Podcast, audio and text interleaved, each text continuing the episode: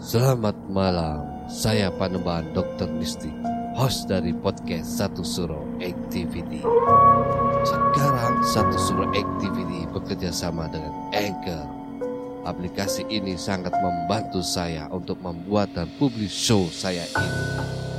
Perlu kalian ketahui, ternyata membuat podcast itu sangat gampang sekali dan 100% gratis. Anchor tidak hanya mempermudah untuk membuat podcast. Dalam hal distribusi pun aplikasi Anchor memiliki banyak jaringan, di antaranya Spotify, Apple Podcast, dan platform podcast lainnya. Tidak perlu berpikir lama, segera download aplikasi Anchor dan bikin podcast kamu sekarang juga gak pakai lama. Saat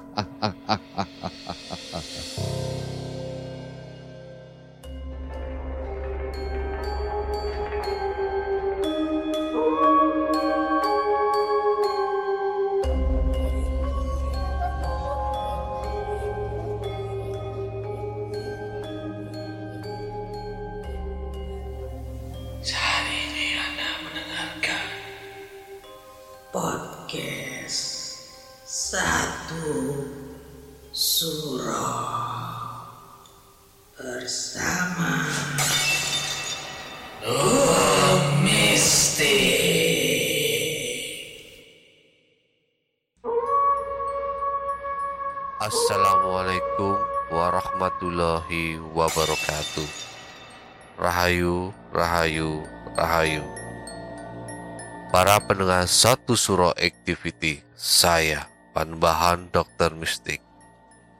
Pada malam hari ini, satu suro activity mempersembahkan segmen Kini Aku Jadi Tahu.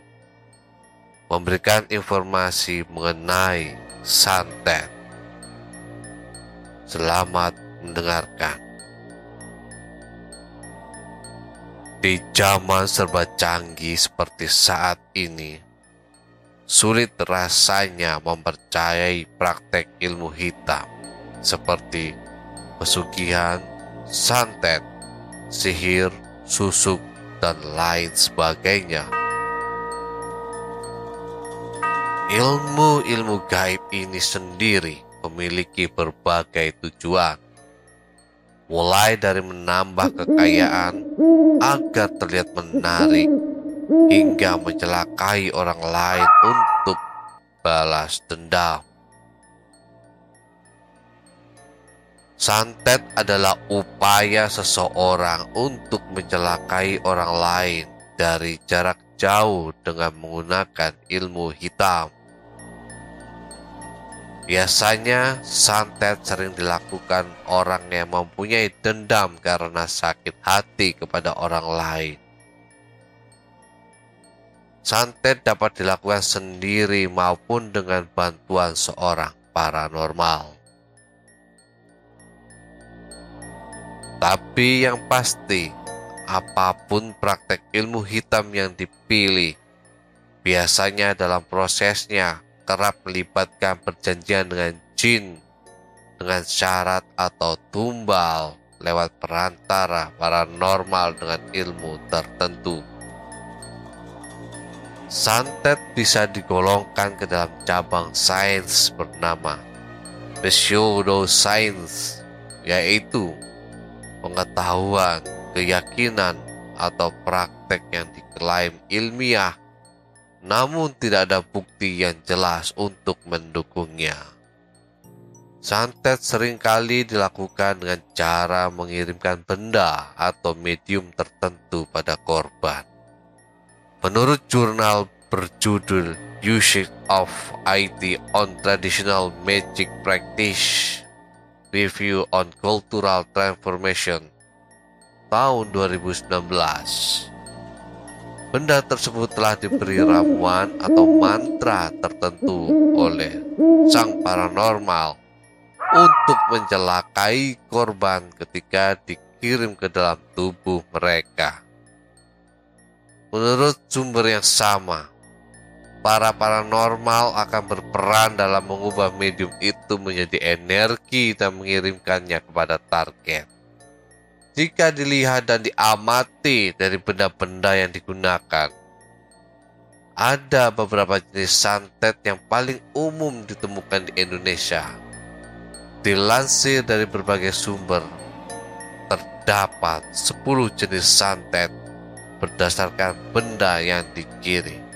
Yang pertama, paku dan jarum jahit.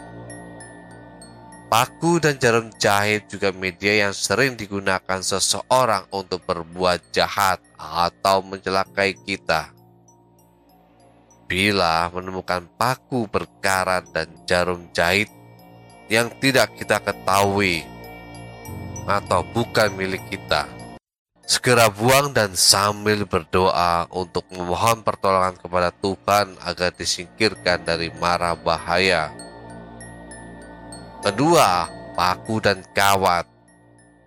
Selain jarum jahit, paku dan kawat logam yang sudah berkarat juga terbilang sering digunakan untuk mencelakai orang lain. Medium ini bisa dikirimkan ke dalam tubuh atau untuk membuat tenggorokan terasa sakit saat menelan. Kawat dan berbagai logam lain juga sering dikirim ke tubuh korban Rasa sakit yang disebabkannya sulit untuk dideskripsikan. Dokter pun sulit mengobatinya karena santet memakai bantuan ilmu hitam. Ketiga, beras kuning. Media beras kuning yang merupakan campuran antara beras dan kunyit biasanya dikirim untuk menyerang seseorang dalam kegiatan bisnis usaha seperti warung kelontong, warung makan. Bila di tempat Anda menemukan barang ini, segera sapu dan guyur dengan air sebanyak-banyaknya. Sambil berdoa agar diberi perlindungan, jauhkan dari mara bahaya. Namun, ada juga orang yang percaya lebih baik dikencingi bila melihat barang beras kuning bertebaran di depan rumah atau usaha kita. Keempat, pecahan beling kaca. Pecahan beling kaca biasanya dipakai oleh orang berbuat jahat atau mencelakai pemilik rumah. Tanda-tandanya adalah salah satu keluarga penghuni rumah tersebut akan sering sakit-sakitan tetapi sakitnya tidak parah. Namun, Anda harus mencari benda tersebut agar keluarga Anda tetap aman dan nyaman.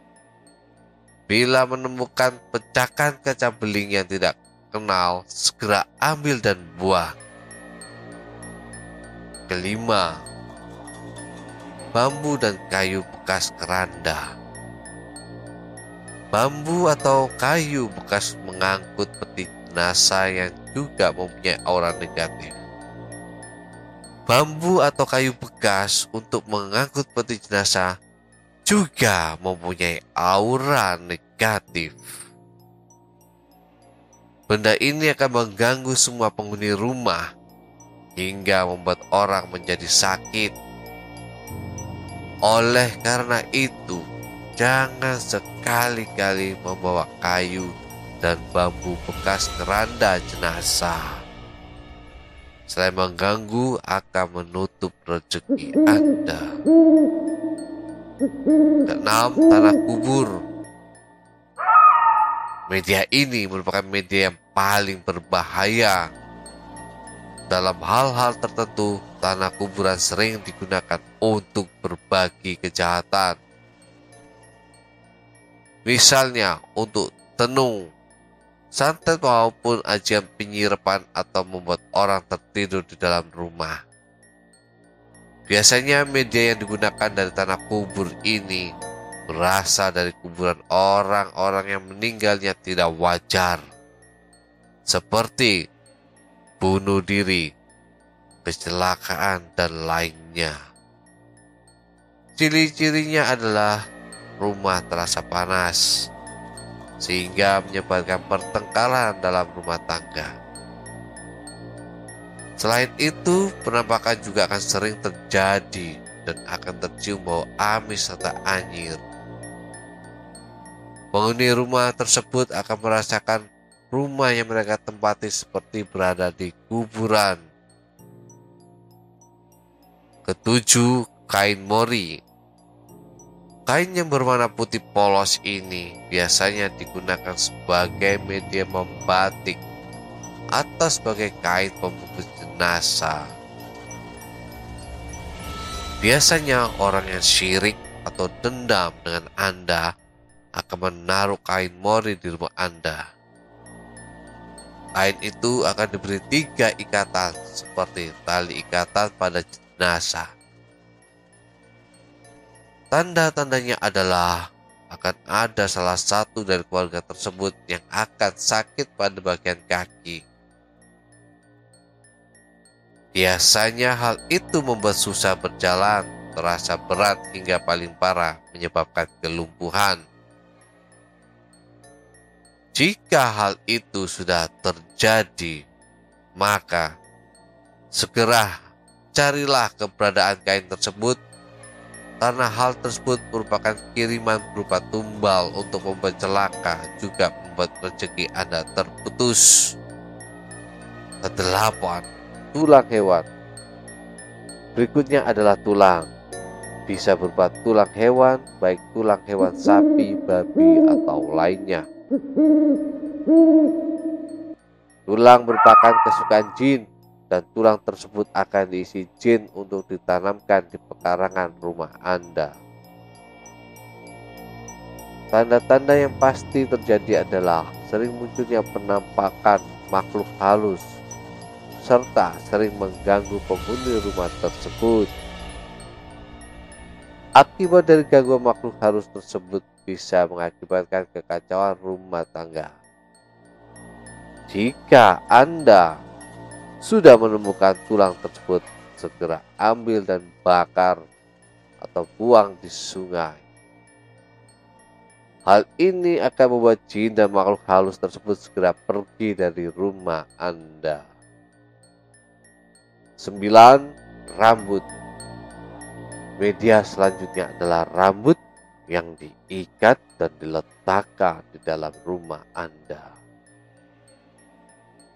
Hal ini bisa mengakibatkan penghuni rumah tersebut sering mengalami sakit kepala seperti pusing. Namun sakit kepala itu bukan sakit kepala biasa, tetapi karena ulah dari tumbal rambut Tanda-tanda yang paling jelas adalah sakit kepala tersebut akan terus-menerus menyerang pada jam-jam tertentu. Biasanya, serangan sakit kepala akan menyerang mulai matahari terbenam hingga tengah malam. Kesepuluh, Bon Santet Boneka dari jerami yang merepresentasikan korban juga sering dipakai seperti contohnya adalah boneka voodoo. Penyantet akan menusuk atau bahkan membakar boneka itu untuk menimbulkan rasa sakit pada korban. Syarat agar praktek ini berhasil adalah memerlukan sesuatu yang ada pada diri orang yang mau disantet. Bisa bermodalkan foto, rambut, buku, darah, dan lain-lainnya. Para sahabat satu surah activity, itulah tadi pemaparan perihal santet dan media apa saja yang sering digunakan untuk melakukan santet. Praktek-praktek santet merupakan suatu perbuatan yang menyesatkan dan merugikan orang lain. Meskipun zaman sudah modern, tetaplah waspada terhadap ilmu hitam santet ini. Para sahabat satu surah activity, jangan lupa untuk meminta perlindungan dan keselamatan kepada Allah. Dan jagalah hati antar sesama manusia, baik percakapan maupun perbuatan. Para pendengar sahabat satu surah activity, Silakan tulis opini kalian di kolom komentar.